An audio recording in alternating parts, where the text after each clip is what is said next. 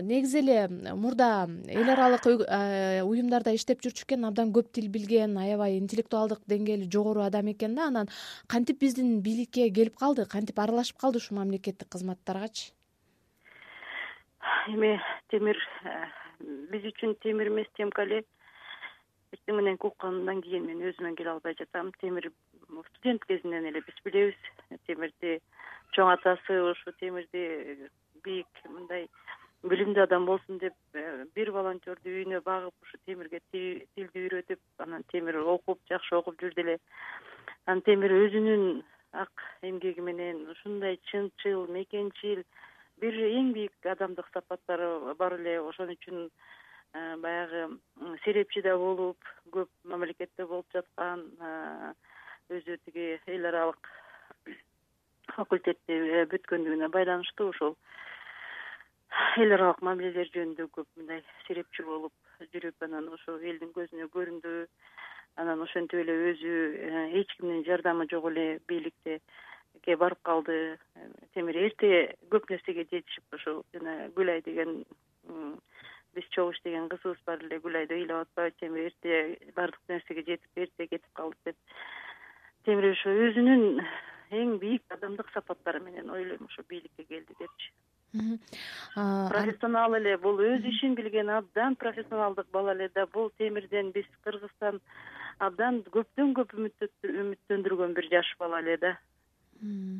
Абдан өкүнүчтүү болуп атат. Мен өз уккан кулагыма да ишенбей эртеден бери өзүмө келе албай отурам өзү жана жол коопсуздугу боюнча бир топ долбоорлорго бир топ баягы эл аралык кароолорго же болбосо коопсуздук кеңешинин кароолоруна кирип катышып өзү да эмгелеп жүргөн эле да анан э, азыр эми ушу жол кырсыгынан каза болуп атканын өзү дагы биздин баягы мамлекеттик органдардын ойлонтуп кийинки кадамдарга баруусуна мындай түрткү болушу керекпи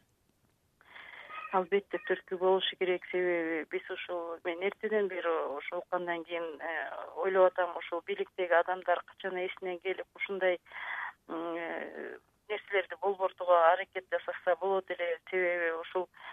э, мурунку советтер союзу учурунда ушул мамлекеттин деңгээлинде экинчи үчүнчү лицолорго жанагы водительдерин тандап алганды мындай аябай тажрыйбасы барларды алчу эле эми азыр ошол дагы мен ойлойм да бирден бир себепкерлер жеке эле жанагы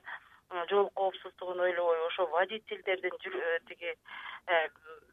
профессионалдыгын дагы текшериш керек го деп ойлойм да мен негизиненчи албетте бул көп маселелердин үстүндө өзү темир ушул маселелерди көп көп көтөрүп жүрбөдүбү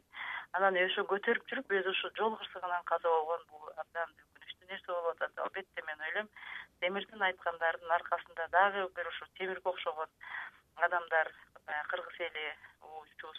кур эмес да дагы бирөө ушуну улантып ушул маселелерди чечет го деп ойлойм. Эми бул келечектен көптөн көп үмүттөнүп турган ушундай татынакай жаркылдаган кыргыздын уулдарынан ажырап аткандан кийин